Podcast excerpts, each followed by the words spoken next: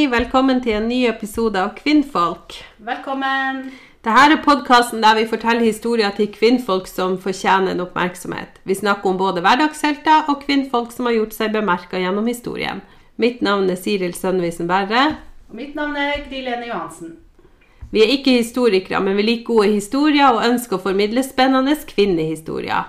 Eh, Og I denne eh, episoden skal vi fortelle mer om hos Cecilie Thoresen, eller Cecilie Thoresen Krog, eller Cecilie Krog.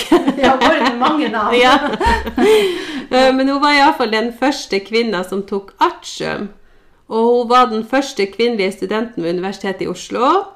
En av dem som bana vei for kvinners rett til høyere utdanning, og var sterkt engasjert i kvinners stemmerett og mulighet til å delta i samfunnet som likeverdige borgere. Det passer jo bra. Nå er vi jo i slutten av, eller midten av august, og det er studiestart ved universitetene og skolene.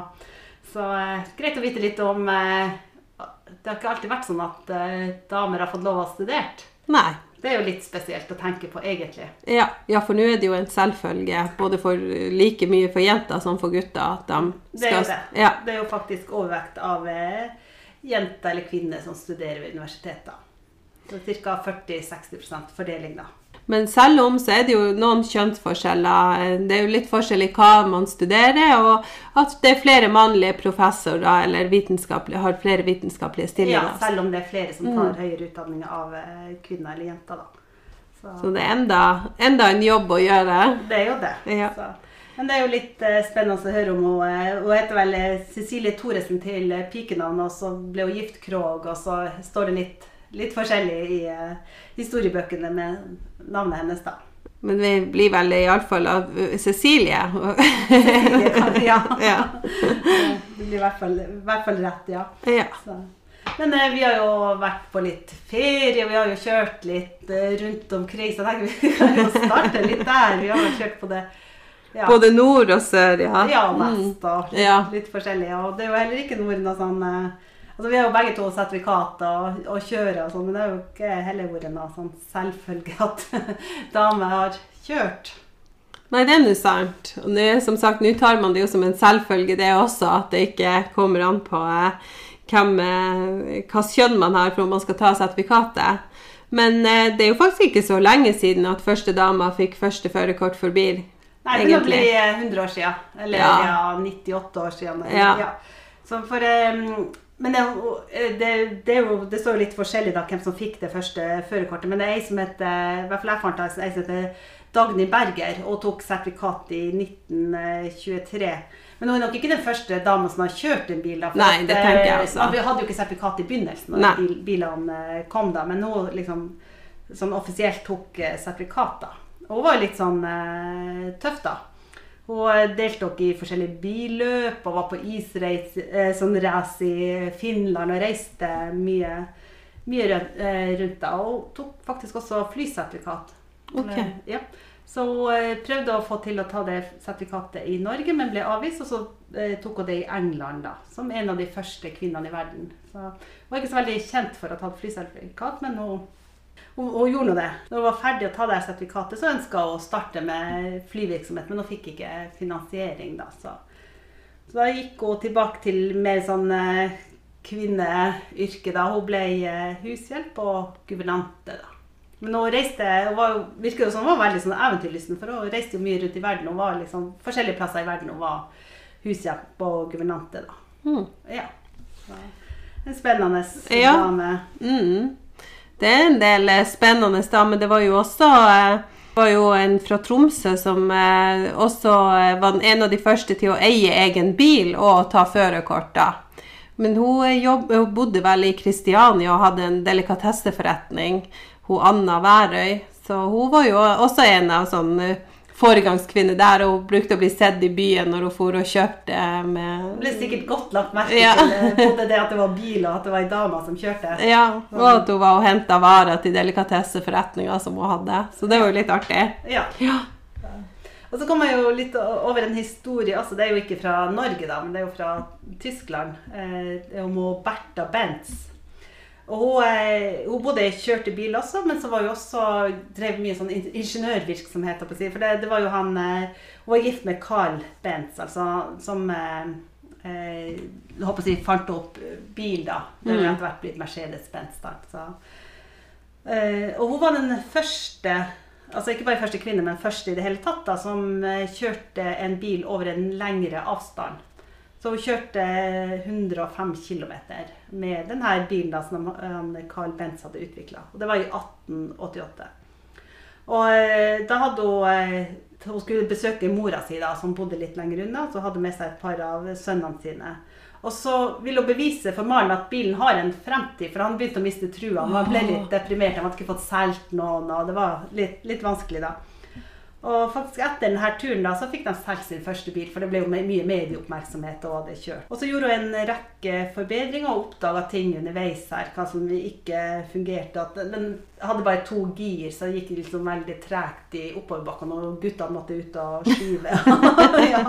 Og ja, forbedra bremsene, så Så egentlig så ja, Hun fant opp flere sånne tekniske løsninger, men hun fikk ingen, ikke navnet sitt på noen patenter. Da, for hun var jo ikke på en måte myndig, eller sant, så hun, det var liksom mannen som fikk all ære for det. da.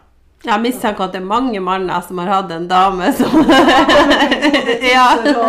Men det har du sett flere ganger i denne, denne podkasten i hvert fall, så det er nok Så, men, det, men det er jo litt, eh, litt mer kjent også denne historien om hun Bertha Benstad. Også at hun bidro veldig mye i utviklinga av, av den bilen. da. mm. Så finnes det også en sånn eh, Bertha Benz Memorial Route, route eller ja. Ja. I hvert fall der du kan kjøre den veien hun kjørte. da. Å, ja. Sikkert ikke på samme type veier, for det var jo eh, hest- og kjerreveier, da. Men eh, som er nok utbedra siden da. Så den er Vi får håpe det, da. Ja, det Ja. var i fotsporene hennes. Det var litt sånn kvinnelig kjørehistorie. Ja, men det passer bra siden det har vært bilferie i sommer. eh, Norgesferie og Norges bilferie. ja. Ja. Så det var jo en, eh, en fin, eh, et fint innslag om det. Og så I forrige episode så hadde vi jo om hun Fredrikke Kvam. Og da kom vi jo inn på dattera Louise Kvam, og vi fant jo ut at vi ikke visste så mye om hun heller. Men jeg tenker at da kan det jo kanskje være greit nå å nevne hun bare kort. Eh, også litt eh, ja, hva som, eh, hva som skjedde med hun, for det lurte vi jo litt på. Ja da, vi, for Jeg fikk jo flere barn, men vi fant ut at hun var den eneste som overlevde foreldrene. da. Så det var jo litt interessant hva, hva hun gjorde videre i livet også. Med, hun hadde jo en spesiell oppvekst på den tida da, med de foreldrene hun, hun hadde. da. Og så hadde hun også en eh, bror som hun på en måte vokste opp eh, sammen med. Og han døde jo ung av tuberkulose da han, da han var tidlig i 20-årene og holdt på å ta sånn juridisk embetseksamen. da. Men så Men de fant Ja. vel ut at eh, varme var litt sånn helbredende, så de reiste vel eh, ned eh, til Nord-Afrika da, Ja, for at han skulle få det lettere, han. Ja de, Olaf. eh, Olaf ja, som var, var sønnen. da, Så Fredrikke, Louise og Olaf reiste da til eh, Nord-Afrika. Jeg vet ikke helt hvor. eh, eh, For at de skulle bli helbreda. Og så sier historien det at eh, mens jeg var der, så ble de ramma av et kraftig jordskjelv. Um, og han, Olav han var jo så dårlig, så han kunne ikke flykte. da, Så de ble værende hos han. For, ja, så de, de stakk ikke av. holdt jeg på å si. Og så var det huset de var i, det var det eneste som sto igjen. da. Oi. Og da ble jo de lokale litt redde om det var noe hekseri eller noe sånt. da. Eh, Men eh, når jeg håper si, jordskjelvet var over og man var liksom kommet i trygghet, da, så dro jo hun Fredrikke ut for å hjelpe de andre som var ramma av jordskjelv. Tror du om de reiste når mannen var død da, eller? Siden det var bare dem som reiste, eller var han og jobba i Norge?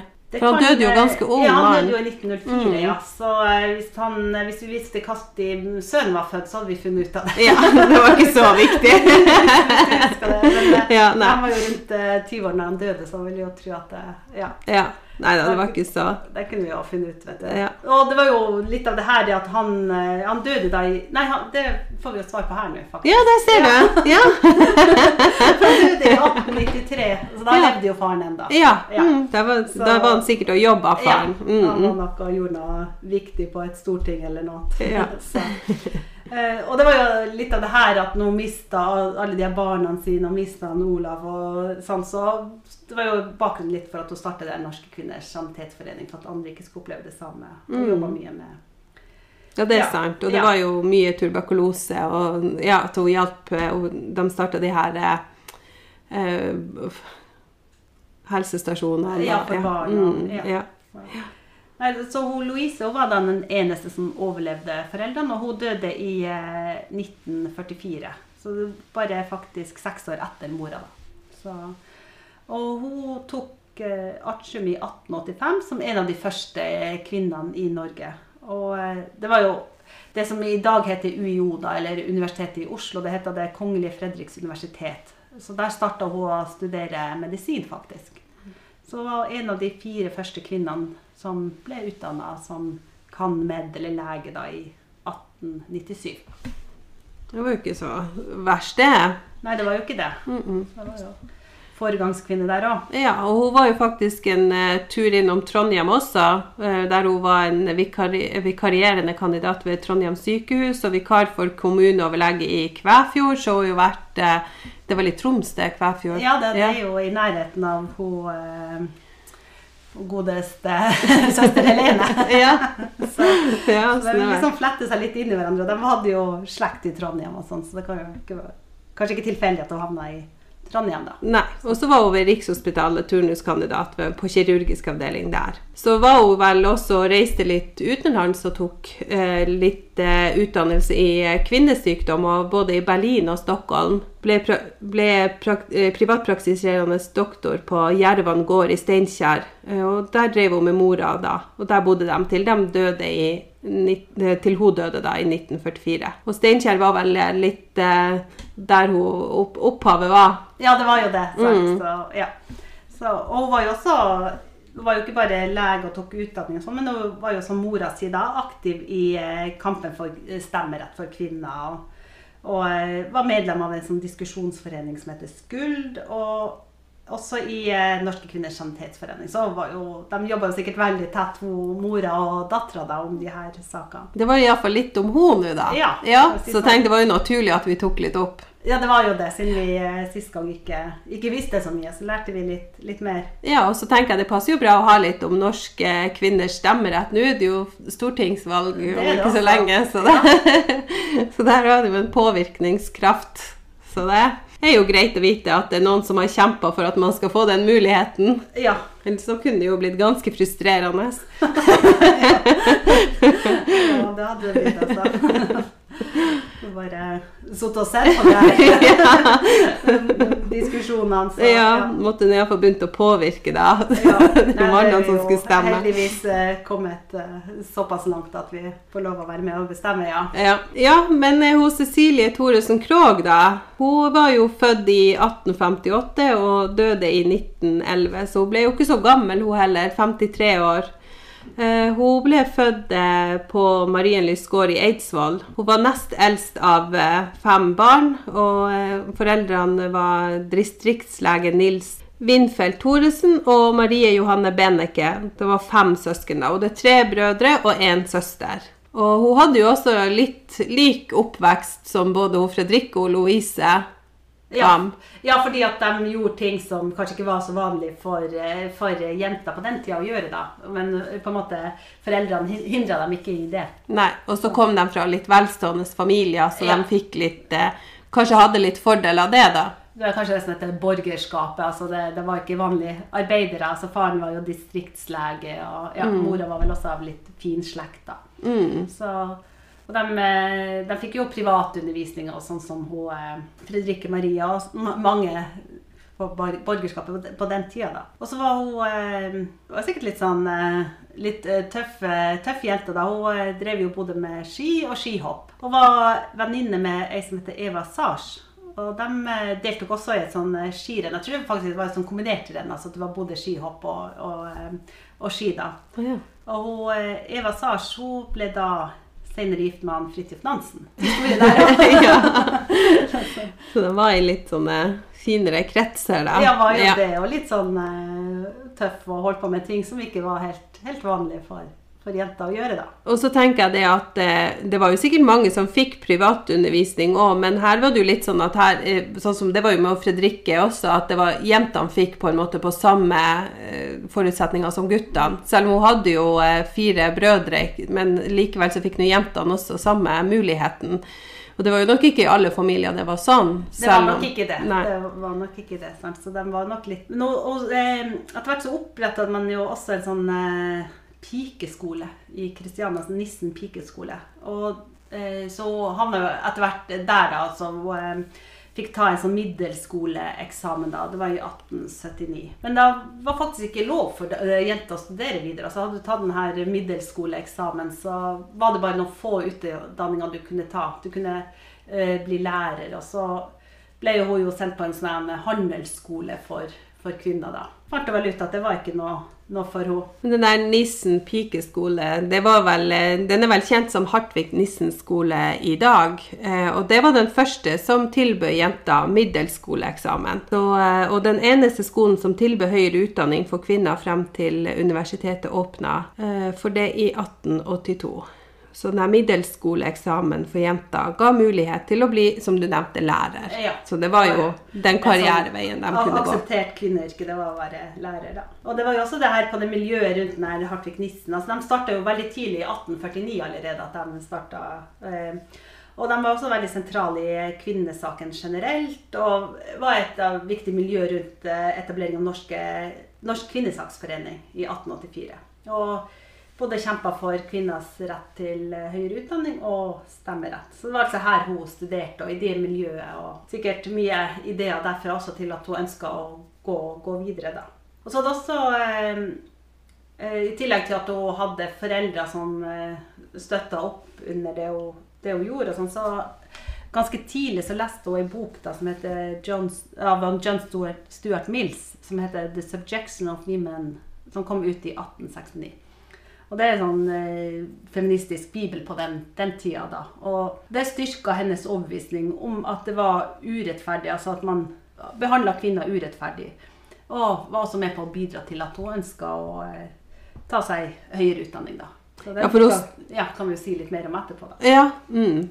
det tenker jeg det er interessant å høre om. Hun begynte vel på handelsgymnas for kvinner, men hun slutta vel etter kort tid. Ja, og fant fort ut at det var ikke noe for henne da. Så det var, var ikke lange tida hun gikk der. Og da ønska hun å gå på universitetet, men fikk, eh, fikk ikke lov. Det som stoppa, var vel at eh, kvinnene ikke fikk lov å ta den eksamensartium. Eh, Selv om den var bygd på middelskole, pensum, så fikk de ikke ta den på Nei, og det var jo den gangen så ble jo den avlagt på universitetet og var en sånn inngangsprøve for å komme inn på universitetet. Og der hadde ikke damene lov å sette sin, sin fot da. Så, eh, så det var faktisk sterkt. Selv om det var åpent både i Finland og Danmark og Sverige. Sverige, ja. så var det åpent. Men i, i Norge så var det enda ikke det. Men han distriktlege Thoresen han var jo veldig opptatt av at barna skulle få en god utdanning, som vi har sett tidligere, at alle barna fikk den private undervisninga og fikk mulighet til å gå på skole. og og han eh, søkte jo i 1880 Kirkedepartementet om dattera kunne få adgang til å avlegge denne eksamen artium da ved universitetet. Eh, og, men da departementet ba kollegiet på universitetet å uttale seg eh, om kvinner hadde eh, etter gjeldende lov adgang til å ta da. Og det var på en måte de juris, eh, juridiske fakulteter sa nei, at adgang eh, At hun ikke fikk det, da. Ja, Mm. Det var bare menn som skulle få lov å ta eksamen, ja. Så de eh, Eksaminasjon. Ja. Så da ble det stengt døra for hun, Cecilie, da. Men hun ga seg jo ikke så lett, da. Så eh, hun tok jo sjøl kontakt med en stortingsrepresentant fra Venstre. Jeg tror Venstre har vært eh, ganske involvert i kvinne- Ja. Så, med en som heter Hagbart eh, Berner. Eh, og da utarbeidet han da et forslag eh, om at eh, kvinnene skulle få lov å ta eksamen artium på, og eksamen filosofikum da. Så, og det ble fremma for Odelstinget i 1882. Så, og i mellomtida så forberedte hun seg til eksamen og regna vel med at kanskje hun fikk, fikk gjennomslag da. Eh, og da leste hun eh, hos professor Olaf Skavlan. Og han jobba med universitetet, og eh, han på eget initiativ så så han altså som en fri institusjon og burde ta eh, si at de, han sa at de burde ta skritt og åpne også for, for kvinner. da. Men han fikk altså ikke gjennomslag hos kollegaene sine, som eh, ville holde det her kun for, for menn. De skulle beskytte sine egne Ja, det var, områder. ja, det Ja. følte seg trua. Følte seg trua ja. Ja, men tross denne motstanden eh, fra de universitetsansatte, så ble faktisk eh, loven vedtatt, og regjeringa godkjente under tvil da, i 15, eh, 15. juni 1882. Så da fikk jo kvinner adgang, da. Ja, Mm. Men de fikk ikke studere alt de ville, da. Det var en del, altså De her embetseksamenene var lukka for kvinner. da, Så teologi, juss, medisin og filosofi det var håper jeg, studier som ga både makt og innflytelse. da, Så da, det passa seg ikke for kvinner å studere det. Det kunne gå galt da, hvis eh, kvinner fikk lov til det. Men det kan jo ikke være så veldig lenge etterpå at det ble åpna, i og med at hun, eh, Louise Kvam hun tok jo eh, medisin, eksamen i medisin. da, så, så det ble vel først her kommet inn av Ja, så skal det vel mye til for de skal kunne ja, holde det. og så at det åpner mer, mer og mer, da. Og jeg tenker at de som kjempa for det, de var jo ikke de som ga seg med det første heller. Hvis de hadde bestemt seg for at de ønska det, så Ja, jeg jeg tenker jo hun, Cecilie Thoresen sto jo veldig egen, egen på at det her det, Hennes jeg håper å si, skyld at det kom igjennom, da. Hennes, hennes fortjeneste da, at det kom igjennom. Det var hun som sto på og tok kontakt med stortingsrepresentanten. Og sikkert jobba veldig hardt for, for å få det til, da. Og at eh, stemmen hennes skulle bli hørt. Men eh, de ga seg jo ikke. De ville jo ikke slippe henne inn eh, uten problemer, holdt jeg si, det kollegiet på universitetet, da. Hun var klar til å ta eksamen, men så ble hun nekta, da. For hun hadde Altså, på middelskolen så lærte ikke jentene like mye matematikk som guttene, så hadde for lite matematikk. Så da håper jeg å si Men hun lot seg ikke stoppe. Nei, det var, de tenkte at ok, vi kan godt åpne for dem, men de har allikevel ikke grunnlag for Ja. å få lov å ta sant?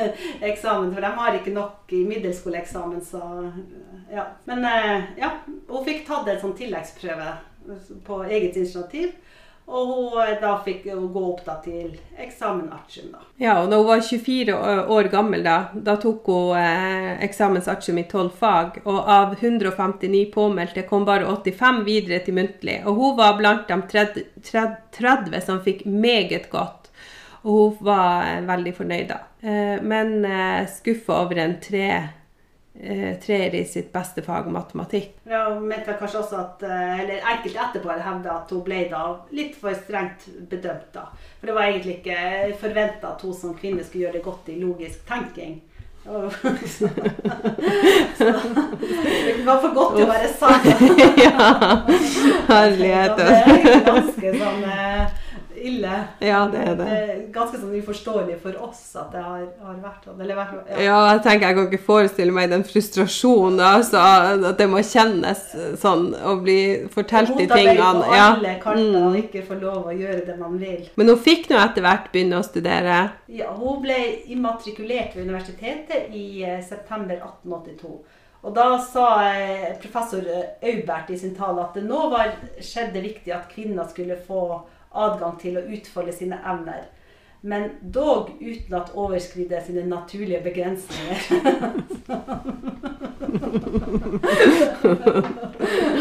Oi, oi, oi. Passe på det. ja. Og, så hun er tatt opp på universitetet, og hun ble også den første kvinnelige medlem i det norske studentersamfunnet. Og eh, etter eh, annen eksamen, eh, som var forberedende med tilleggsprøve i latin, så begynte hun å studere realfag, matematikk, fysikk, kjemi og astronomi. Og hun var den eneste kvinna på forelesninga eh, i to semester eh, fra 1886 til eh, 87. Studerte hun kjemi ved Politeknisk læreranstalt i København, og fortsatte hjemme i Norge.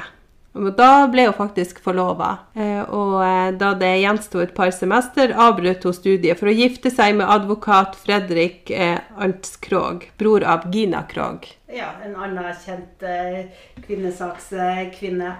Så eh, det var jo litt, litt synd at hun eh, avbrøt studiene.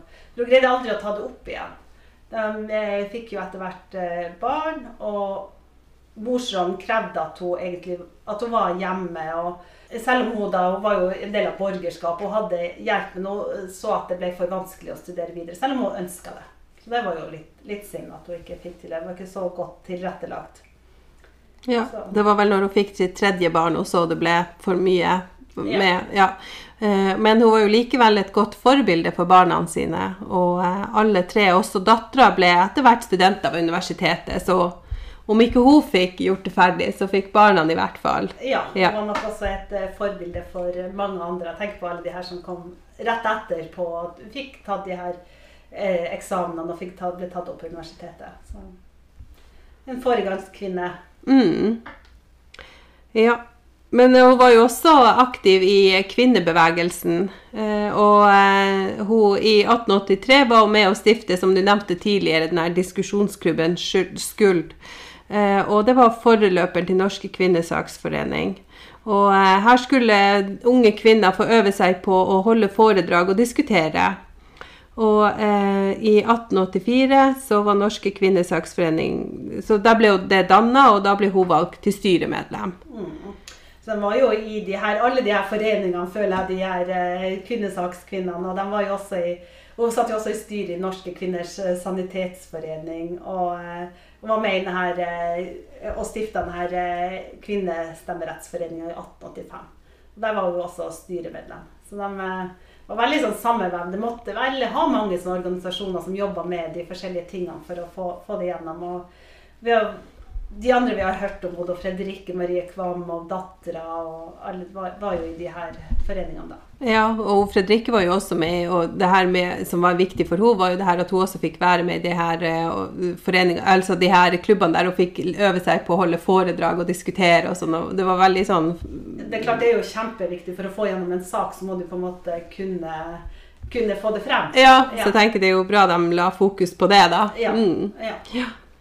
Men hun ble jo også aktiv i politikken.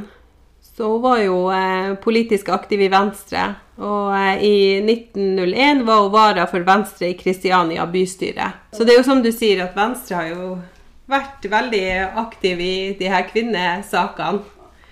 Så det er jo litt ja spennende. de, de, går, de går igjen. Men eh, du nevnte en eh, bok i sted som jeg tenker kanskje det er litt artig at du sier litt mer om.